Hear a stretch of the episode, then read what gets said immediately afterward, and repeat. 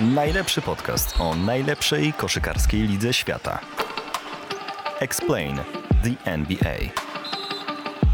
Analizują i wyjaśniają Mirosław Noculak i Radosław Spiak. Co tydzień tylko na desport.pl. Otóż to, wracamy z naszym podcastem. Czas na drugi sezon Explain the NBA. Zaczynają się rozgrywki za oceanem, wraca najlepsza liga świata. Wszyscy jesteśmy tym faktem oczywiście uszczęśliwieni, prawda Mirosławie? Bardzo, bardzo, bardzo. Słuchaj, ale bardzo mi się podobało to, co e, przysłałeś mi w, w mailu, że określiłeś to S2 E1, czyli serialowa, e, serialowa nomenklatura do oznaczania odcinków. Bardzo mi się to podobało. S2E1. Zaczynamy dzisiaj. Pierwszy odcinek nowego sezonu i mówię, że wszyscy jesteśmy szczęśliwi, bo zaczynamy drugi sezon w niezmienionym składzie, a ten pełny skład to oprócz naszej dwójki nasz producent Damian i nasza realizatorka Julia i o tym chcielibyśmy, żebyście pamiętali. A do tego bardzo ważna informacja jest taka, że od tego sezonu partnerem naszego podcastu jest wydawnictwo książkowe SQN i księgarnia Labotiga. Co to oznacza?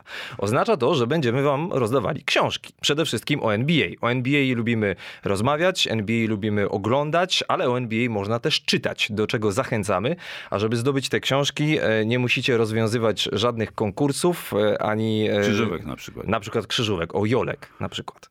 Chociaż może kiedyś przygotujemy. Ale wystarczy, że będziecie zadawali nam pytania. Na Twitterze, jeśli zadacie nam pytanie, to te najciekawsze oczywiście postaramy się na nie odpowiedzieć, ale też będziemy je książkowo nagradzali. Dzisiaj wiemy już, że są pytania, natomiast do tych pytań przejdziemy w trakcie dyskusji o kolejnych tematach, ale jeszcze zaznaczmy tak z przymrużeniem oka ci powiem Mirosławie, że pierwszy sezon naszego podcastu wypromował nowego i tutaj Julia widzi, że tak mrugam okiem, komentatora koszykówki w polskiej telewizji. Nowego, starego można powiedzieć. Pochwal się. Mówisz o kanale Plus? Oczywiście. No tak. Pochwal po, się. Po 17 latach. Po 17 latach można powiedzieć, że wróciłem do, do kanału Plus i dostałem ofertę komentowania meczów NBA. Głównie, myślę, chociaż tam jeszcze, jest jeszcze Liga Hiszpańska. Liga tam jest. E, No i to jest, to są po, porządne emocje, tak? Czekają mnie i pierwszy mecz, który będę komentował, to już jest jutro, albo kiedy się ukaże, albo W nocy z wtorku na środę, W nocy wtorku tak. na środę to jest e, Boston, Filadelfia, czyli inauguracja ligi. Dlatego e, zachęcamy też. Jeśli lubicie słuchać Mirosława, to będziecie go mogli słuchać jeszcze częściej. E, natomiast jeśli chodzi o nasz podcast, będziemy się spotykali regularnie i jako, że pierwszy odcinek, no nie może być inaczej, jest zapowiedzią nowego sezonu, zaczniemy od tematu, który nas, Polaków, najbardziej interesuje, czyli Jeremy Sochan, ale nie tylko sam Jeremy Sochan, ale także jego środowisko, jego klub, czyli San Antonio Spurs. Co tu dużo mówić, nie będzie to drużyna, która będzie walczyła o mistrzostwo. Mało tego, u Bookmacherów ma najgorsze notowania, jeśli chodzi o ewentualne mistrzostwo w najbliższym sezonie, ale to nie jest najważniejsze. Najważniejsze jest to, czy i jak, my wierzymy, że jak, będzie rozwijał się Jeremy Sochan. Zagrał w pięciu meczach przedsezonowych i wiadomo, że mecze przedsezonowe to jest, tak jak ty mówisz Mirosławie, e, że to są sparingi, to jest wyższa forma treningu. Tak jest, dokładnie. Natomiast y, oczywiście nie możemy wyciągać z tego zbyt daleko idących wniosków, ale jedna rzecz, która moim zdaniem jest dość istotna, to jest struktura rzutów, jakie oddaje Jeremy Sochan, bo on w tych pięciu meczach przedsezonowych miał 2 na 15 za 3 punkty i 7 na 14 za 2. Czyli to mówi A. Zdecydowanie do poprawy rzut, co i tak już wiedzieliśmy wcześniej, Tak ale się teraz potwierdza. I B. Rywale będą to wykorzystywali, bo będą mu zostawiali miejsce. Ale jak on to będzie wykorzystywał, jak będzie to rozwiązywał, bo to jest taka sytuacja, w której może rozpocząć grę jeden na jednego. E, To jest trudniej, jak się kryje go luź- luźno, bo musi najpierw, i to zabiera czas, musi e, znaleźć kontakt z obrońcą i ewentualnie odrzucać. Myślę, że może być tak prowadzona ta taktyka gry Jeremiego, jeżeli nie poprawi rzutu, a trudno się spodziewać, żeby w ciągu najbliższych tam dwóch czy trzech miesięcy poprawił. Bo Myślę, że to jest robota na po sezonie, chyba, że wzorem Kobiego Bryanta wstaje o czwartej i, i będzie rzucał tam, oddawał te tysiąc rzutów i do widzenia. I pod koniec albo na wiosnę będzie już super strzelcem.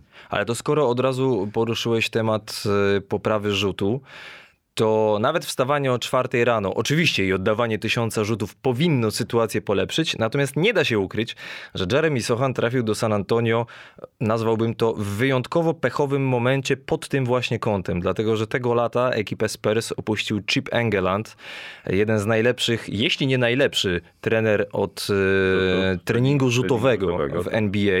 E, przeszedł do Oklahoma City Thunder i e, no, z tego, co, co da się wyczytać w informacjach z oceanu, on chciał zostać w San Antonio, tylko nie dogadali się co do pieniędzy oszczędność po prostu klubowa zdecydowała o tym, że, że z Engelandem kontraktu nie przedłużono. Więc Sochan pod tym kątem akurat ma wyjątkowego pecha. No tutaj y, może to mieć istotne znaczenie, natomiast y, ja myślę, że on technikę rzutu ma jakąś, jakoś ustawioną już y, i swoją naturalną. Ale dobrą? Na ile to jest do poprawienia, to zawsze jest zagadka. Czy to, czy to warto poprawiać? Wiemy, mamy wielu takich zawodników, którzy rzucają na swój sposób i trafiają. Nie, zupełnie niepoprawnie, obok kanonu e, techniki rzutu do kosza. Więc oczywiście, że lepszy, lepszy specjalista może gwarantować lepsze efekty, no ale, ale nie rozpaczałbym z tego powodu. Jeżeli Jeremy wykona ileś tam rzutów i pod e, jak nadzorem tam nie ma przecież przypadkowych gości w NBA mówmy się, wśród trenerów. A na dodatek w San Antonio nie będzie w tym roku specjalnej presji na wygrane, bo tak jak mówimy, mistrzostwa nie zdobędą, playoffów też raczej nie będzie. Może być nawet tak zwane tankowanie pod y, numer jeden przyszłorocznego draftu, a wszystko wskazuje na to, że będzie to wyjątkowy Wiktor Wembaniama, o którym pewnie porozmawiamy sobie innym razem. Natomiast to, co niewątpliwie rzuca się w oczy w San Antonio, zwłaszcza po oddaniu DeJounte Mareya, to jest to, jak młoda jest to drużyna. Niewiarygodne dla mnie jest to, jak zobaczyłem tę statystykę, to aż nie mogłem w to uwierzyć. Musiałem to sprawdzić, ale tak jest, że Greg Popowicz może wstawić do gry pierwszą piątkę złożoną z samych dziewiętnastolatków. To jest jakiś absurd, to jest szaleństwo. I mało tego, w tej piątce Josh Primo, który w poprzednim sezonie był najmłodszym graczem całej NBA, to on w tej piątce byłby najstarszy. No tak, bo on, on musi mieć y, już koło dwudziestki tej, tej sytuacji. Może jeszcze nie skończone, bo przecież musiał wejść jako 19-latek. W grudniu skończy 20 tak, lat. jako 19-latek musiał wejść do NBA i tam rzeczywiście zabrakło mu kilku miesięcy, ale pozwolono mu. Ja nie znam dokładnie tych przepisów, ale Josh Primo i właśnie to jest jedyna... Chodzi o to, że musisz mieć ukończone 19 lat w danym roku kalendarzowym, okay. kiedy trafiasz do NBA. A, czyli to nie ma, miesiące nie mają znaczenia. Tak. I tutaj właśnie Josh Primo Pamiętamy i zachwycaliśmy się też tym, że Greg Popowicz go próbował w pierwszej piątce, a teraz wygląda na to, że on zejdzie do przejdzie do drugiej jako zmiennik Tre Jonesa. Przesuwa go Greg na pozycję rozgrywającego, bo nie ma rozgrywającego. No właśnie, i to miało być moje następne pytanie. A. Czy rozgrywającym może być Jeremy Sohan? Nie, nie sądzę. Nie sądzę, chociaż on przy tej współczesnej y, koszykówce może przeprowadzić piłkę spokojnie na drugą połowę e, boiska, czyli jeżeli uruchomi pierwsze podania w systemie motion, to jest najważniejsze, uruchomienie pierwszego podania i potem ruch zawodników, to, to może to robić. Ja mam na myśli bardziej też takiego rozgrywającego w rozumieniu ala Draymond Green w Golden State. No to, to właśnie Draymond Green robi, że on na przykład inicjuje, inicjuje przeprowadza piłkę na drugą stronę, nawet gra pick and rolla, i, znaczy nie takiego do końca, bo on lubi grać tak zwane short rolle, czyli po obrocie zasłaniającego, szybko on dostaje piłkę i odrzuca do trzeciego. To jest gra w trójkę. I Green bardzo lubi tak grać. To moim zdaniem, jeśli I chodzi... Sochan, przepraszam. Aha. Sochan na pewno to, to jest w stanie złapać taką, taką gierkę, te, te short role i być może takie, takie rozwiązanie będzie y, Greg Popowicz stosował. To jak widzisz ten sezon San Antonio? Bo moim zdaniem to, co się może najlepszego im przydarzyć, to to, że ich młodzi zawodnicy będą się rozwijali, że będzie progres y, raz, że Sochana, ale Keldona Johnsona, Devina Vassela i tak dalej, i tak dalej, ale jednocześnie, że jakkolwiek głupio to nie zabrzmi, ale że będą przegrywać, no bo będą mieli wtedy więcej szans e, na pierwszy numer draftu, czyli prawdopodobnie Wiktora Łębaniamę. Bo jest różnica między powiedzmy, może się okazać 15 zwycięstwami, a 19 zwycięstwami, bo procent szans na wylosowanie numeru 1 może spaść z 14 do 7. Wbrew pozorom to może być duża różnica. Więc progres młodych zawodników to jedno i z mojej perspektywy Naprawdę, jeśli ta drużyna będzie niespodziewanie wygrywała, to nie będzie dobrze, wbrew pozorom, bo oni w tym składzie nawet gdybyś kogoś tam dodał teraz, nawet gdyby ten John T. Murray tam został, to o nic wielkiego nie będą grali. Nie mieliby i tak szans na mistrzostwo, więc tu potrzebny jest ktoś, kto będzie fundamentem całej ekipy, jak kiedyś Tim Duncan wybrany z numerem jeden i chyba Spurs będą polowali właśnie na Wembaniamę. No, z tym Wembaniamą to bym się wstrzymał, bo e, Chet Holgren e, e, też ma podobną postulę i już nie gra. W tym sezonie może No nie to- zagrać. to Więc ja jestem ostrożny, jeżeli chodzi o te numery jeden draftu, dla, jeżeli chodzi o wysokich graczy, takich super wysokich. Ilu było takich, którzy nie rozpoczynali sezonu albo mało grali, to, to jest... Greg Oden wybrany kiedyś przykład. przed Kevinem Durantem. No właśnie. pro- to- 2007. Więc takich przykładów jest sporo. Zatem to bym zostawił. Natomiast ja myślę, że tu jest pewien konflikt, y, może być kon, pewien konflikt mentalny, u, u, jeżeli chodzi o Grega Popowicza. Nic na ten temat nie wiem, że on chyba nie lubi przegrywać. Więc i ma, jeszcze ma taką, Dlaczego tak sądzisz? i, i ma jeszcze coś takiego, y, to widzieliśmy w poprzednim sezonie, że rozpoczyna dosyć tak niemrawo, w sensie takim, że buduje tę koncepcję swoją, a w drugiej części sezonu jest, jest w stanie wygrać z każdym. I być może to będzie taka wersja, chociaż może o tym decydować akurat zarząd San Antonio Spurs, a nie sam Greg Popowicz. No i o to właśnie chodzi, bo jak się tak popatrzy na ostatnie 5 lat, to przez ostatnich 5 lat ze sztabu Grega Popowicza odeszli, żeby trenować inne drużyny. Becky Hammon, Will Hardy, Ime Udoka, Ettore Messina wrócił do Europy, do Mediolanu, James Borrego. W ciągu ostatnich pięciu lat. Więc jeśli w San Antonio będzie chęć no mówiąc wprost, trochę przyoszczędzenia, no to to jest ostatni rok kontraktu Grega Popowicza. Z perspektywy Jeremiego Sochana fajnie by było, żeby wycisnął z niego jak najwięcej. To znaczy Greg z niego i Jeremy z tego roku, to mam na myśli, bo no ja mogę nie wierzyć w to, że Greg Popowicz się nie dogada z San Antonio co do następnego kontraktu, ale gdzieś jakieś prawdopodobieństwo jednak istnieje, no przecież nie będzie trenował wiecznie. No właśnie, on, może, on sam może dokonać takiego wyboru, powiedzieć żegnam. Niewątpliwie będziemy zwracali uwagę na San Antonio Spurs w trakcie najbliższego sezonu i o Jeremym Sochanie będziemy w Explain the NBA rozmawiali. Pierwszy mecz w sezonie zasadniczym San Antonio Spurs w nocy ze środy na czwartek w San Antonio Spurs grają z Charlotte Hornets. I teraz tak, y, najchętniej z Mirosławem, robiąc zapowiedź tego sezonu, porozmawialibyśmy o jak największej liczbie drużyn w NBA, może i o wszystkich, ale wiadomo, że nie mamy na to czasu, dlatego na razie skupimy się na finalistach poprzedniego sezonu. Raz, że to finaliści, najlepsze drużyny obu konferencji, a dwa, że działo się u nich ostatnio wyjątkowo dużo, powiedziałbym nawet, że za dużo i u jednych i u drugich. Zaczniemy, zaczniemy od mistrzów NBA, czyli od Golden State Warriors. No i mimo wszystko myślę, chociaż już minęło troszkę czasu, ale no nie możemy przejść obojętnie e, obok tematu uderzenia Jordana Pula przez Draymonda Greena na treningu. Moje pierwsze pytanie, Mirosławie, ile razy w życiu jako trener widziałeś takie albo podobne sytuacje, bo nie wierzę, że nigdy nie widziałeś. No, widziałem, ale też je wymazałem z pamięci, co też co, co po, polecam e, wszystkim ludziom w, w Golden State. Też zdarzały się takie rzeczy często w szatni, ale ja po meczach, bo to, bo to po meczach się zdarza, jak gracze mają do siebie pretensje. Ja po meczu nie wchodziłem do szatni, wchodziłem tylko, pogratulowałem obojętnie, czy przegranej, czy wygranej. Podziękowałem może, bo gratulować można tylko wygranej.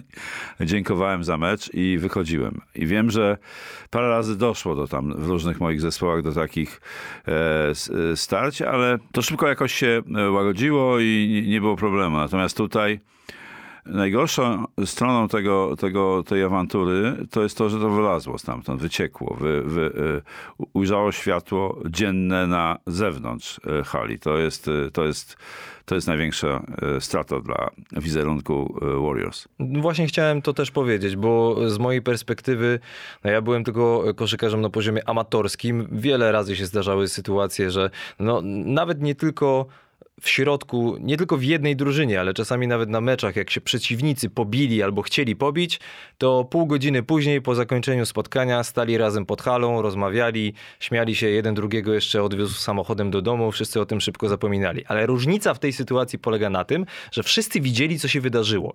Jak była ostatnia podobna tego typu sprawa w NBA 5 lat temu w Chicago. Bobby Portis uderzył na treningu Nicole Miroticia.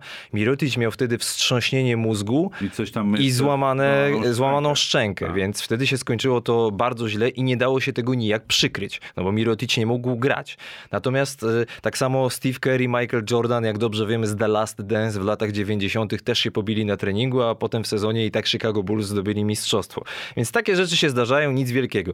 Ale tak jak mówisz, Różnicą w- tej sytuacji jest to, że wszyscy widzieli, jak to wyglądało, a wyglądało to naprawdę Źle. bardzo, bardzo źle. Źle. Dlatego nie, nie dziwi sytuacja i nie dziwi to, że pojawiają się pytania, jak chociażby pytanie Adriana na Twitterze, czy y, ostatni sezon był dla Golden State Warriors łabędzim śpiewem, a może stać ich jeszcze na walkę o tytuł? No i chyba trzeba wziąć pod uwagę jednak to, co się wydarzyło między oboma panami. To jest pytanie, na które nie znamy odpowiedzi w tej chwili. Jak długo będzie trwał ten, e, trwało to, to zaognienie w, e, w zespole Warriors? Oczywiście zainteresowani i, i Poole, i Green mówią, że już jest sprawa załatwiona, że oni już się tam po, pogodzili w jakiś sposób, dogadali i tak dalej. Ale to samo mówi Steve Kerr o tej sytuacji, ale widziałem jego minę tuż po, jak to, jak to się wydarzyło. Miał, y, miał wyraz twarzy, był przerażony po prostu, że, że coś takiego mogło się wydarzyć w jego zespole. Choć jak mówisz, miał sesję z Jordanem, ale ten, ta ekipa wydawała się bardzo zwarta. Był ten jeden Draymond y, szalony lekko, ale ci pozostali jakoś go neutralizowali swoim spokojem, szczególnie Kerry, tam, Doświadczeniem. i doświadczeniem i tak dalej. Tutaj natomiast doszło do tej sytuacji. Ciekawe, ciekawie y, wytłumaczył to w swojej wypowiedzi właśnie trener Warriors. Powiedział, wszyscy jesteśmy niedoskonali. Filozoficznie powiedział tak. Wszyscy jesteśmy niedoskonali, komentując tę- tę sprawę już po jakimś czasie. Więc e, e, no, rozumiem, że, on, że, że go to gryzie, i bo takie stwierdzenie to, to, jest po prostu, to jest po prostu przyznanie się do tego, że to jeszcze w nich siedzi. To stwierdzenie, że wszyscy jesteśmy niedoskonali, to jest przyznanie się do tego, że po prostu tam coś jeszcze w środku tkwi.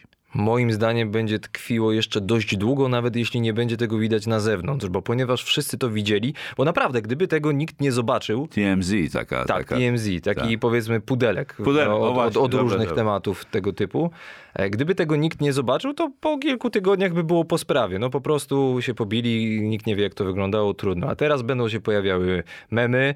Jak tylko wyjdą na boisko, na pewno kibice drużyn przeciwnych będą mieli jakieś transparenty, będą koszulki i tak dalej, i tak dalej. Pytanie, jaki to będzie miało wpływ na grę Golden State Warriors w tym sezonie? A to był świetnie funkcjonujący organizm, tak, że się tak wyrażę. Mistrzowie NBA. mistrzowie NBA i, i widzieliśmy to od początku. Początek mieli znakomity, potem, potem e, kontuzje troszeczkę zmieniły grę Golden State, ale w playoff to po prostu mistrzostwo świata no i zostali tymi mistrzami. Bardzo ciekawa sytuacja i e, tak e, też podejrzewam, że to może trwać, że to nie będzie tak e, szybko e, że nie tak szybko uda się stworzyć znowu taką, bo to szatnia decyduje też w dużym stopniu, jak się ludzie zachowują w szatni, jak, e, jak są dla sie, do siebie, tu właściwie chodzi o koleżeńskość taką. Jest nawet takie powiedzenie, przepraszam, że ci przerwę, że mistrzostwo zdobywa się w autokarze. A właśnie, no, czyli, czyli jaka jest atmosfera po prostu w ekipie w, poza boiskiem, jeszcze też szalenie ważne. Czy ludzie chcą się ze sobą spotykać, czy chcą ze sobą rozmawiać więcej niż e, wymieniać kurtuazyjne cześć, e, jak się masz i do widzenia, tak.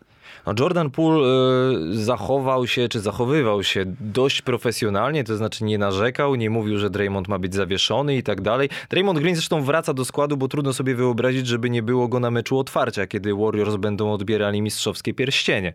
Natomiast Jordan Poole przedwczoraj, nagrywamy ten podcast w poniedziałek, y, podpisał nową czteroletnią umowę z Golden State Warriors, wartą łącznie nawet do 140 milionów dolarów i e, podpisał nową czteroletnią umowę wartą 109 milionów dolarów Andrew Wiggins. No i teraz pojawiają się pytania, bo ja tu widzę tak, że w najbliższym sezonie, tak jak mówisz, to jeszcze będzie tkwiło, ale moim zdaniem dopóki Draymond Green jest w składzie i gra, i gra dobrze, to oni mają szansę na mistrzostwo. Ale teraz zaczynają się pytania, czy to nie będzie jego ostatni sezon Warriors. Masz na myśli e, Draymonda Greena. No może to być ostatni sezon, mm, ale i, i, i może e, management Golden State nawet to zakładać, ale te sytuacje też nie wiemy do końca, jak, jak reagują gracze na te różnice w kontraktach. Raymond Green, nie spodziewam się, żeby miał tak wysoki kontrakt, bo on jeszcze chyba nie, nie, nie ma rozstrzygniętego kontraktu. On może, może przedłużyć swój kontrakt na następny sezon za 27 milionów dolarów, nieco ponad. Natomiast może Czyli te, mniej niż y, pool. i, ale może też tego kontraktu nie przedłużać. No właśnie. I będzie wtedy Ciekawie. ciekawie. To y, no, y, ten, ten kontrakt pula jest y, naprawdę bardzo wysoki. Właściwie po jednym dobrym sezonie dostaje taki kontrakt, a Andrew Wiggins, który był moim zdaniem drugim graczem e, w, w serii playoff e, Golden State po Stefanie Kerry, to jest, e, to jest niesamowite, że on ma, on ma niższy kontrakt niż Pool, ale nie jesteśmy agentami. Zgodził się na to. Sam Zgodził powiedział, się, no że y, znalazłem taki cytat, że y, nigdy nie wiadomo, co niesie przyszłość, a ja jestem szczęśliwy w miejscu, w którym jestem. Mamy szansę zrobić coś wyjątkowego. Wierzę w nas i organizację. I to jest coś, co ja bym chciał powiedzieć, taką swoją własną obserwację e, Andrew Wigginsa. Jak on mnie wkurzał w tym, w tym Minneapolis, rany boskie. Dziecko w piaskownicy razem z tym Karlem Antony Townsem w dwójkę się bawili z padelkami. A obaj numery jeden draft. No, oczywiście. I mnie zale, krew zalewała, bo takie talenciaki i nic, niczego nie pokazywali. I przeszedł do Golden State i nagle stał się dojrzałym graczem. To jest piękne, jak, tak, jak, jak coś takiego się dzieje i, i człowiek, który, na którego nie możesz patrzeć, nagle okazuje się, tak się zmienia. To jest fantastyczne. Em, Miałem bardzo właśnie, tak mnie ta sytuacja poruszała, kiedy widziałem Andrew Wigginsa grającego bardzo dobrze. W jednym meczu bodaj trzecim on był najlepszym graczem w ogóle Golden State.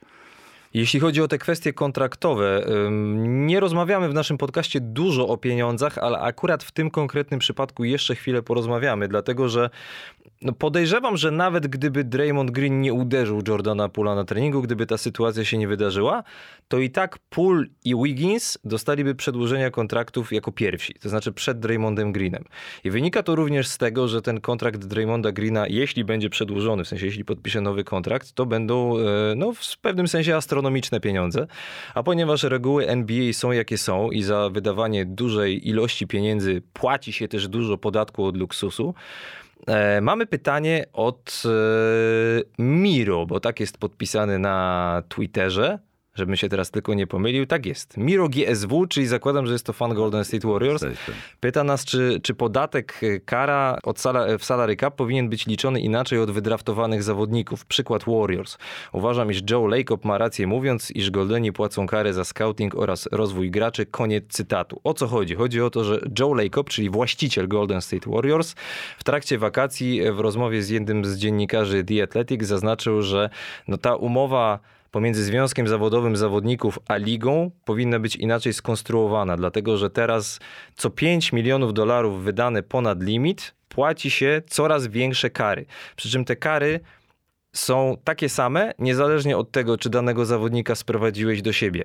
A. Jako wolnego agenta. B. W ramach wymiany. C. Czy wybrałeś go w drafcie i rozwinąłeś. Joe Lacob sugeruje, że zawodnicy wybrani przez kluby w drafcie jak rozumiem, albo nie powinni się liczyć do tych kar, albo te kary powinny być niższe w stosunku do nich. Dlatego, że właśnie dany klub go wyszukał, postawił na niego, wydraftował, rozwinął. No a NBA też zależy, żeby gracze przez x lat grali w danym klubie, a nie zmieniali tych pracodawców jak rękawiczki, żeby chociaż kibice przez jakiś czas mogli się z nimi utożsamiać.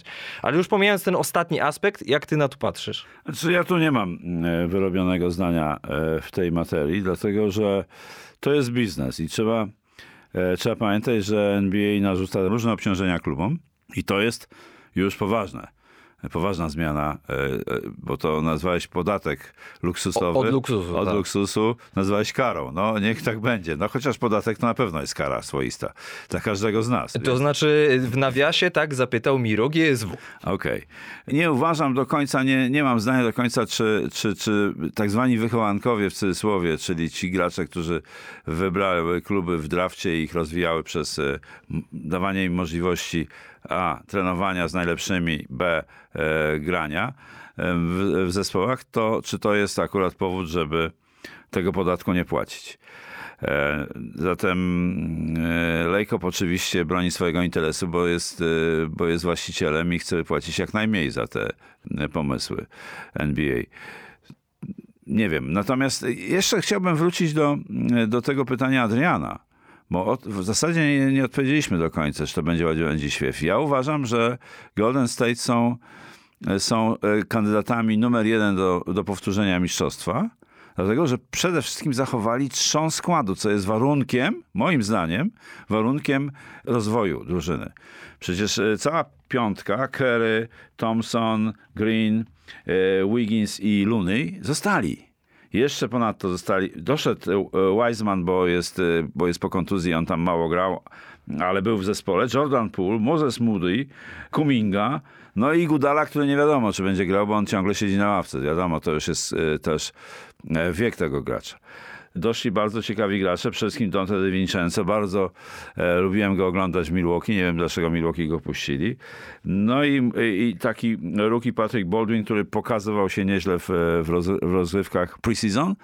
Więc dla mnie to jest jeden z, jeden z ważnych elementów, dla których e, stabilność składu, dla których uważam, że Golden State są, mają szansę na powtórzenie, na powtórzenie mistrzostwa, czyli nie uważam, że, byłby, że to będzie ten sezon łabędzim śpiewem e, chłopców San Francisco. Ja bym dodał, zwłaszcza jeśli będzie dobrze grał James Wiseman, bo ja mam co do niego duże oczekiwania. Oczywiście biorę pod Od uwagę, początku, że... wszyscy mamy takie oczekiwania. Biorę pod uwagę, że w poprzednim sezonie w ogóle nie grał. No nie w swoim debiutanckim zresztą zagrał tylko w 39 meczach, ale jeśli tylko będzie zdrowy, to zwłaszcza biorąc pod uwagę, że to jest środkowy trochę innego typu niż Kevon Looney, mo można, tak. można z nim grać inaczej można mu wrzucać piłki na alejub, na, trochę tak jak Boston z Robertem Williamsem, tak powiedzmy. Jest, tak, tylko jeszcze jest wyższy i chyba taki bardziej e, uzdolniony, wszechstronniejszy, jeżeli, bo też potrafi rzucać. I dlatego zdrowie będzie miało też tak, no duże, tak. duże znaczenie w przypadku Golden State. Moim zdaniem ja też nie uważam, że oni już się skończyli, że najbliższy sezon to też będzie walka o mistrzostwo. Zresztą bukmacherzy to potwierdzają, bo, bo wysoko oceniają szanse Golden State na, na ponowne zdobycie mistrzostwa NBA. Natomiast myślę, że w tym miejscu możemy przejść na wschód i pogadać o Boston Celtics. Co ty na to? Bardzo lubię e, wschód od ubiegłego sezonu, bo nawet postawiłem na to, że oni wygrają, e, wygrają ligę. Ale to dlatego, że, jeszcze raz to powtórzę, dlatego, że bardziej podobała mi się konwencja wschodnia od, e, od zachodniej, ale Golden State pokazali klasę w finałach i byli bezapelacyjnie lepsi od Bostonu. No dobra, to teraz tak. W Golden State mieliśmy skandal, Raymond Green uderzył Jordana Pula na treningu. Ohoho, no niesamowite sprawy. No dobra, to co teraz powiedzieć o Bostonie, gdzie trener Ime Judoka, przypomnijmy, został zawieszony przez klub, nie przez ligę, tylko przez klub na cały sezon 2022-2023.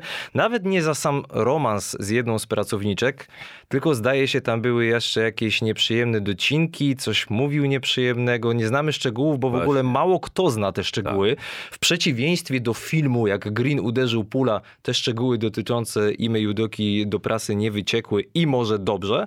Natomiast sytuacja w Bostonie jest teraz taka, że rolę głównego trenera będzie pełnił 34-letni e, Joe Matsula, w poprzednich sezonach asystent. No, czy to Brada Stevensa, czy w poprzednim sezonie Ime Judoki. E, a Boston sprowadził a. Malcolma Brogdona, B. Danilo Gallinariego, który jest wyłączony z gry prawdopodobnie na cały sezon. Do tego e, kontuzja kolana Roberta Williamsa, niedawno przeszedł operację, wróci prawdopodobnie dopiero pod koniec tego roku kalendarzowego. Jak się doda te problemy do siebie, to tu też nasuwa się pytanie, czy Boston będzie w stanie znowu włączyć się chociaż do walki o, o mistrzostwo? Ja mam dwie wątpliwości. Podstawa to jest to, że nie wiemy, jakim trenerem jest e, Joe Matsula. On, jego, jego doświadczenie jako head coacha to jest druga dywizja NCAA. Swoją drogą niesamowite, bo trzy lata temu jeszcze, w 2019 roku, był trenerem na poziomie drugiej dywizji NCAA, a teraz jest trenerem jednej z najlepszych drużyn w NBA. No nieprawdopodobne. To jest, to jest pierwsza zagadka, na którą być może dowiemy się i znajdziemy odpowiedź w trakcie sezonu. Czy Joe Matsula da radę to po, wszystko poskładać i zarządzać tym talenta, tymi talentami, które ma w zespole. A druga jest taka, czy te kontuzje, w jaki sposób wpłyną te kontuzje, bo Brad Stevens, widząc co się dzieje, bo wiedział, że Galinari, Galinari doznał kontuzji w meczu z e, eliminacji do Mistrzostw Świata z Gruzją, czyli, czyli to był ostatnia dekada sierpnia. I było już wiadomo, że to jest. Na początku podejrzewano co innego, ale potem się okazało, że to jest kontuzja tej samej lewej nogi, te, tego samego, czyli. Yy, Wiązadło krzyżowe. Krzyżowe przednie, tak. tak.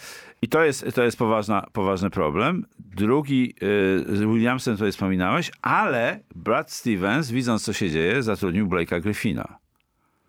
No właśnie nie jestem przekonany co do tego podpisu, Blake'a? szczerze mówiąc. Czy to, czy to coś będzie miało pozytywny wpływ na drużynę? I, inaczej. Moim zdaniem będzie miało, ale jeśli sugerujesz tutaj, że nie mamy Danilo Gallinariego, więc sięgamy po Blake'a Griffina tak w proporcjach 1 do 1, no to Blake Griffin to jest jednak zawodnik zupełnie o innej charakterystyce, zwłaszcza jeśli chodzi o rzuty za 3 punkty. A z pozycji numer 4 to jednak będzie miało znaczenie ale on y, y, trafia za trzy. Nie wiem, w poprzednim sezonie 28%, 28, 28% tak, no tak, no to, no. to, powiedzmy, że to nie jest, no tak średnio, to nie jest tak. Y, średnia Galinarego. No niemniej musiał coś zrobić Brad Stevens i to zrobił. Natomiast ja się wyraziłem gdzie indziej, zarzuciłem sobie taką teorię spiskową, że Brad Stevens i tu się, tu, tutaj posłużę się, że tak powiem, przypadkiem Grega Popowicza który w sezonie 96-97 zmienił e, Boba Hilla w trakcie sezonu i wyznaczył siebie jako wiceprezes e, San Antonio Spurs do spraw koszykówki, czy tam organizacji i tak dalej, mają te swoje nazwy skomplikowane, wyznaczył siebie jako trenera. To się spotkało z wielkim e, oburzeniem środowiska trenerskiego, bo to oczywiście, że tak musiało być, ale do dzisiaj został na tym stanowisku. Ale dlaczego mówię o Bradzie Stevensie, to jest oczywiście to jest moja imaginacja i absolutnie nie mam żadnych, e, żadnych sygnałów, że tak może być. Po prostu uważam, że Brad Stevens jest za młody, żeby zgodzić się na to, żeby nie być dalej trenerem. Takie mam przypuszczenie. Oczywiście mogę się mylić. To powiem ci, że tutaj się zupełnie nie zgadzamy, dlatego że ja uważam, że on nie będzie chciał wrócić do trenerki. Znaczy, ty, na jakiej ty, podstawie to mówisz? Uważam, że na takiej podstawie, że po pierwsze dostał awans, to jest raz. Dla trenera to nie jest awans, ale dobra, niech ci będzie. Dwa, że ma teraz zdecydowanie e, więcej spokoju, którego podobno chciał. To jest podobno bardzo rodzinny człowiek i dzięki temu, że nie jest trenerem, tylko dyrektorem sportowym, nie musi jeździć z drużyną na wyjazdy, może poświęcić się nieco więcej życiu rodzinnemu. Ja wiem, że wiele razy w historii koszykówki dany trener mówił, robię sobie przerwę od trenowania, bo chcę spędzić więcej czasu ze swoją rodziną, a potem jak wracał do trenowania, to były żarty, czyli co, teraz pan chce spędzić mniej czasu czasu ze swoją rodziną, jak rozumiemy. Ale mimo wszystko uważam, że, e, że brat Stevens e, inaczej, no jakbym miał obstawiać, stawiać własne pieniądze, to bym postawił, że on nie wróci do trenowania Boston Celtics, a już na pewno nie w trakcie najbliższego sezonu. Posłuchaj, być może tak będzie, jak mówisz, ale jeżeli argumentuje to tym świętym spokojem, to on nie jest trenerem. Okej, okay. To ciekawe. No. no dobra, ale w takim przypadku, bo nie wiemy, co ja się... Przepraszam tak, za, tak, za nie, nie, tak, okej, okay, no taką ocenę masz do tego pełne no, prawo. Ja jestem w pewnych sprawach jestem radykałem, więc tutaj e, nie znam takiego trenera, który y, by chciał, przedkładałby sprawy rodzinne nad, y, nad sprawy zawodowe. To są, to są friki. To większość trenerów to są friki. To nie ma, to jest w ogóle Większość, nie ma czyli nie wszyscy. No tak, więc może brat należy do tej mniejszości. No dobra, to teraz tak, bo rozmawiamy o tym, zaczęliśmy rozmawiać o tym, kto może zastąpić Joe Matsule, zanim jeszcze zaczął tak naprawdę e, w oficjalnych meczach trenować Boston Celtics, ale e, no jest być tymczasowym może... trenerem, więc to upoważnia tak, za takie rozmowy. Tak, ty, no, tymczasowym, ale na cały sezon, przynajmniej na ten moment. I teraz pytanie brzmi, bo zaczynamy się zastanawiać, kto może zastąpić Joe Matsule, to niezależnie od tego, czy to będzie w trakcie sezonu, jeśli sprawy będą szły w złym kierunku, czy na koniec tego sezonu bo obawiam się, że jeśli kiedyś, a wydaje mi się, że kiedyś to się wydarzy, wyciekną szczegóły tego, co robił Ime Udoka, to no, może się okazać, że on już w ogóle nie wróci do trenowania w NBA i nie chodzi tylko o Boston Celtics. Ja myślę, że tak może być. Ja bym dał więc szansę Joe Matsuli. To jest bardzo młody szkoleniowiec. 34-letni, Al Horford jest nawet od niego starszy Tak w tej drużynie. Natomiast e, Danny Ainge, jak odszedł z Boston Celtics do, do Utah Jazz, to w momencie, kiedy Jazz zmieniali trenera i e, były rozmowy, kto zastąpi Queena Snydera, to Danny Ainge zaprosił do rozmów dwie osoby z Bostonu. Willa Hardiego, który ostatecznie tym trenerem został i Joe Matsule właśnie. Więc ja mam takie przekonanie, że skoro Danny Ainge na tyle ceni Joe Matsule, że zaprosił go do rozmów na temat bycia głównym trenerem Utah Jazz, to Joe Matsula jest w stanie pracować ze zdecydowanie lepszą drużyną, jaką są Boston Celtics, zwłaszcza, że tych zawodników zna, bo jest tam od trzech lat. Tak, to jest, to jest argument. Natomiast, e, natomiast jeszcze chciałbym wrócić do tego, do tego IME, który, e, jak pamiętam, w, w jednym z podcastów e, z początku sezonu ubiegłego, to powiedziałem coś takiego, że on wygląda jak dziecko we mgle, że jakby nie miał w ogóle kontaktu z, zespołem, jakby nie wiedział w ogóle, co tam się dzieje, jakby nie potrafił zapanować nad tą całą sytuacją i nagle stworzył piątkę, z Horfordem, z Williamsem, z Smartem i z tymi dwoma asami, czyli Tatumem i Brownem. Stworzył piątkę, która wygrała ileś tam bodaj 9 czy 10 meczów z rzędu i od tego czasu zaczęła grać pierwszorzędnie. Bostończycy zaczęli grać fantastycznie. Więc może być taka sama sytuacja z Joe Maculą, że on nie wiemy, jakim jest trenerem, bo, bo, bo jesteśmy za daleko. Denejsz wie dużo więcej od nas. Jeżeli zaprosił tych dwóch na, na rozmowę do swojego zespołu, to coś znaczy. Zatem poczekajmy, zobaczymy. No dobra, to teraz jeszcze zostaje kwestia, o co tak naprawdę gra Boston, bo moim zdaniem z takim składem, nawet biorąc pod uwagę te problemy zdrowotne na starcie, oni grają o mistrzostwo NBA. Tak jest, zgadzam Natomiast się w pełni. Pamiętajmy, że, e, że czołówka wschodu jest jednak silna. Philadelphia 76ers, Milwaukee Bucks, chociaż akurat w Milwaukee przez e, kilka pierwszych tygodni nie zagra Chris Middleton ze względu na kontuzję nadgarstka, ale całościowo Milwaukee trzeba brać pod uwagę, jeśli chodzi o walkę o mistrzostwo. Mnie będą fascynowały dwa scenariusze w Boston Celtics. Pierwszy to jest Jalen Brown, dlatego że tego lata mówiło się o tym, że Celtics chcą sprowadzić do siebie Kevina Duranta i zaoferowali Brooklyn Nets w pakiecie między innymi Wymianę. Jalena Browna, między innymi jego. Więc Jalen Brown e, wtedy w mediach społecznościowych e, zamieścił krótką informację, coś w stylu, że kręcę głową, w domyśle z niedowierzania, więc jestem bardzo ciekawy, jak on podejdzie do tego sezonu, wiedząc, że Celtics ch- chcieli go wymienić na Kevina Duranta, bo ta informacja po prostu wypłynęła do mediów, no jak to bywa w mediach amerykańskich dotyczących plotek transferowych w NBA zwłaszcza. To jest jeden scenariusz, jedna historia, która mnie bardzo interesuje, jak będzie grał Jalen Brown, a dwa, Malcolm Brogdon, według mnie najlepszy transfer tego lata. Tak ogólnie, ze wszystkich. Autentycznie, szczerze w to wierzę, że to jest najlepszy transfer w całej lidze tego lata. Jeżeli go mm, nie zawiedzie zdrowie, to ja jestem bardzo ciekawy. Ja pamiętam, jak on zaczynał w Milwaukee po, po przejściu z uczelni. To myślę sobie, co ten gość robi w NBA? Zero motoryki. e, W związku z tym nie potrafił pokazać tego, co ma najlepsze, czyli jak rozwiązuje sytuację. Bo jak nie masz sprawności, to nie jesteś w stanie pewnych rzeczy wykonać odpowiednią szybkością, z, odpowiednim, e, z odpowiednią siłą. Ale on się nieprawdopodobnie rozwinął w ciągu dwóch sezonów w Milwaukee Bucks i zgadzam się, że to jest jeden z najciekawszych e, transferów i myślę, że Brogdon mm, może też znaleźć się w takiej rotacji ciekawej z, razem ze Smartem, bo on jest też takim trochę oszukanym, rozgrywającym podobnie jak Smart. Bo głównie jest strzelcem jednak, ale potrafi prowadzić grę i bardzo ciekawa sytuacja, z tym, że na razie e, grali z, mm, głównie ze Smartem w składzie tym takim podstawowym. No w meczach e, przedsezonowych e, Brogdon zagrał w trzech i wchodził do gry z ławki rezerwowych. Tak. Myślę, że tak będzie w sezonie Może być tak zasadniczym. na początku, tak. Ale uważam, że w playoffach i w wyrównanych końcówkach meczów zwłaszcza to Brogdon pod koniec będzie na boisku, właśnie być może obok Smarta i to będzie Celtom bardzo przydatne, jeśli chodzi właśnie o organizację gry, która jak mówiliśmy niejednokrotnie w poprzednim sezonie, właśnie w wyrównanych końcówkach szwankowała. I tutaj jest e, większa możliwość rotacji e, między tymi graczami obwodowymi, czyli Brogdon, Brown, e, Tatum i Smart. Tu już dochodzi jeden bardzo ważny element do tej rotacji. No i Boston, Boston musi poprawić organizację w ataku. bo byli najlepszą, najlepiej broniącą drużyną, ale organizacja ataku właśnie w finałach przeciwko świetnie grającej, świetnie grających Golden State w obronie, no, mieli ogromną przewagę w organizacji ataku, w pomysłach, w płynności gry i tak dalej, i tak dalej. Więc to, to muszą poprawić, jeżeli chcą się liczyć w walce o tytuł.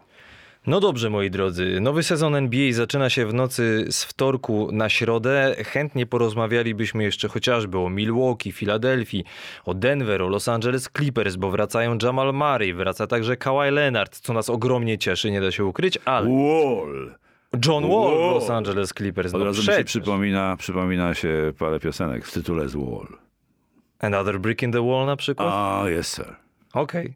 A już myślałem, że standardy jazzowe nam zarzucisz teraz z tytułami Wall. Nie, nie, nie, nie, nie. Akurat y, to jest ta piosenka, którą wymieniłeś. No dobrze, ale ponieważ startuje nowy sezon i o pozostałych zespołach będziemy szerzej rozmawiali, bo chcemy porozmawiać trochę szerzej w następnych odcinkach, zwłaszcza będziemy analizowali to, co się będzie działo w najbliższych meczach na początku sezonu.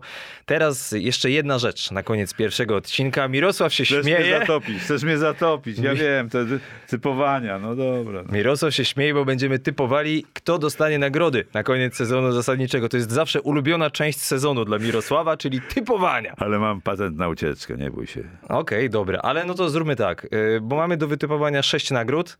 MVP, trener, obrońca, debiutant rezerwowy i postęp, y, czyli y, zaczynamy na zmianę. Od razu zaznaczamy, że nie wymienialiśmy się opiniami przed nagraniem, więc No nie, do, dopiero teraz się dowiemy, kogo który z nas typuje, więc jeśli chodzi o MVP, ty zaczynasz. E, Jokic. A wiesz dlaczego? Po pierwsze uważam go za najwszechstronniejszego gracza NBA od paru sezonów. A po, po drugie, bardzo bym chciał, żeby Nikola Jokic dołączył do tercetu już e, graczy, którzy zdobyli trzy razy z rzędu MVP, czyli to jest Bill Russell, Wilt Chamberlain i e, Larry Bird. To by była niesamowita To sprawa. byłaby czwórka do brydża, mogliby usiąść e, sobie i pograć brydża, nawet wirtualnie. Niesamowita sprawa by to była, naprawdę. Absolutne legendy NBA i Nikola Jokic jeszcze obok nich. No, piękne. i jeśli Jamal Murray, Michael Porter Jr. i całe Denver będzie zdrowe przez ten sezon, to naprawdę to jest moim zdaniem kandydat, no może i do finału. Ale oczywiście gra indywidualna Jokicia to jedno, wynik zespołu to drugie. Ale, Natomiast ale on jest graczem zespołowym, czy on ma. Nie, no ma, jak najbardziej, ma oczywiście, ja- ja nie z- mówię, że nie. Z asystami przecież często. ja nie mówię, że nie. Natomiast moim kandydatem mimo wszystko jest Luka Doncic. To znaczy tak bym obstawiał, że to będzie ten przełomowy sezon, jeśli chodzi o nagrodę dla niego. On w zeszłym roku y, zakończył na piątym miejscu, jeśli chodzi o... W tych typach dziennikarzy. Tak, w tych typach y, na, na głosowanie na MVP. Dwa sezony temu był szósty, trzy sezony temu był czwarty. Moim zdaniem to będzie ten sezon. I na razie na tym poprzestanę, bo o Luce Donciciu mógłbym powiedzieć trochę więcej, ale zostawię to sobie na następny odcinek. I teraz y, z kolei ja zacznę, bo następnego mamy trenera. Moim zdaniem Chris Finch, Minnesota Timberwolves. Też myślałem o nim, ale ponieważ wymieniłem Jokicza jako MVP, to stawiam na kolegę Malcolm, e, Michaela e, Malone. Ja z kolei też o tym, o nim myślałem, ale stwierdzam, że ponieważ to są nagrody za sezon zasadniczy, a wydaje mi się, że Minnesota w sezonie zasadniczym będzie grała bardzo dobrze, że Anthony Edwards będzie jednym z kandydatów do nagrody za największy postęp, że Rudy Gobert całkiem nieźle tam zafunkcjonuje. Na ten moment nie wróżę im mimo wszystko sukcesów w playoffach, ale za sezon zasadniczy uważam, że Chris Finch tę nagrodę dostanie. No tak, może dostać tym bardziej, że, że należy się spodziewać, że zresztą to, samo, to sam e, Michael Malone powiedział, dobrze mówię? Tak jest. powiedział, że w związku z tym, że po dłuższej przerwie wracają Porter i Murray, to, to oni się będą rozkręcać, że raczej dopiero na wiosnę e, pokażą coś, na co ich stać i czego się można się spodziewać. I tutaj, e, tutaj rzeczywiście mm, Minnesota może, e, może być takim, no, takim czarnym koniem tych rozgrywek w tym roku. No dobra, najlepszy obrońca. Ty pierwszy. No ja stawiam na Janisa Antetokounmpo. Ja też. Mam No tak samo. Super. Mam tak samo. No to tutaj myślę, że nawet nie musimy dyskutować. E, natomiast ja w takim razie przejdę do kolejnej nagrody. Najlepszy debiutant Paolo Banquero. Paolo Banquero. O proszę, czyli nawet dwukrotnie się zgadzamy. Znaczy chcielibyśmy Jeremy Sochan bez No nie, wątpliwości. nie. Paolo ale mimo wszystko Ja, jakbym miał stawiać na czarnego konia, to Benedikt Maturę, moim zdaniem. Albo jeszcze tam może być taki chłopiec Keegan Murray z Sacramento. Tak. Też ciekawy chłopak. Słyszałem nawet opinię, że Keegan Murray jest tak dobry, że wprowadzi Sacramento Kings do playoffów po Razem z 17 Mike'em latach Brown. przerwy. Po 17 Mike'em latach przerwy. Okej, w porządku. Dobra, gratuluję pomysłu. Niech tak będzie. Eee, rezerwowy. No. No zgadnij. Bruce Brown. Mój ulubieniec. Absolutny. Ja, ale ja nie wiem, czy on, będzie grał, czy on nie będzie grał w piące na początku. Tego nie sprawdziłem. Ale w Netsach Żeby grał... dostać nagrodę dla najlepszego rezerwowego, musisz zagrać co najmniej No tak. 50% meczów Ale, ale bo wiesz, bo tutaj zapomniałem dodać jed- jedną rzecz, że to, to, te typy to są takie, że co ja bym chciał, a nie co, co, co może się wydarzyć bardziej. Okej, dobra. Znaczy, jeśli chodzi o Bruce'a Browna, to trzeba jeszcze tylko zaznaczyć, że on zmienił klub, to znaczy z Brooklynu przeszedł do Denver Nuggets, więc e, nowe środowisko. Jak rozumiem, e, uważasz, że się bardzo dobrze tam odnajdzie i żeby nie było, ja też tak uważam. No ja bardzo lubię tego gracza. Jest to zawsze, już to odkąd go zobaczyłem po raz pierwszy powiedziałem, że tego gościa chciałbym mieć w każdym zespole, który bym prowadził. W pięciu meczach przedsezonowych dla Denver trzy razy był w pierwszej piątce, więc Słabo się zobaczy. być. Się zobaczy. No dobra. E, Dla mnie Christian Wood. Christian Wood, y, że myślisz, że w Dallas zrobi aż taki skok z nim? Myślę, że myślę, że tak. Mm. Eee, no i będzie grał u boki Luki Doncicia. To No jest tak. koszykarz, który umie wykańczać akcje podkoszowe. I- Ma w miarę niezły rzut, tak bym powiedział. tak. I uważam, że zmiana środowiska z jednej Tak. z najgorszych drużyn ligi, czyli z Houston do jednej z najlepszych, czyli do Dallas, naprawdę to będzie top rezerwowy. No tak, tak. I jeszcze został nam postęp. To teraz ja zacznę i moim zdaniem to będzie. No widzisz, właśnie, bo się zastanawiałem, rozmawialiśmy o tym rok temu, że to jest nagroda teoretycznie przyznawana od wielu lat dla graczy drugiego planu. Tak. A dostał tę nagrodę w poprzednim sezonie Jamorant. Ale to są, to, i to jest jeszcze jedna e, dygresja do tego, do tego głosowania, do tego typowania. To są głosy dziennikarskie. Ja mam e, niezły PESEL, ale ciągle nie uważam siebie za dziennikarza, chociaż ostatnio w jednym z podcastów e, w, w serii pierwszej powiedziałeś, że właściwie to już jestem dziennikarzem. No więc nie wiem. Nie, nie do końca się zgadzam z tym wyborem Jamoranta. Chociaż uważam, y, ja nawet powiedziałem, że może zostać MVP i nie był tak znowu daleki, gdyby nie kontuzje. Ale zacząłem o tym mówić dlatego, że właśnie miałem taką wewnętrzną walkę, czy, czy to może być nagroda dla, na przykład właśnie dla Antonego Edwardsa, który moim zdaniem w tym sezonie będzie na bardzo, bardzo wysokim poziomie. Powiedzmy, że może nawet takim jak Jamorant w poprzednim, ale stwierdziłem, że nie. Idę jednak tą klasyczną drogą i mówię Tyrese Halliburton. To jest Halliburton. A ja kogoś z ubiegłorocznych rookies i wiesz kogo. Scotty Barnes? Nie, to twój. Już myślałem, Ivan Mobley w takim razie. Ivan Mobley.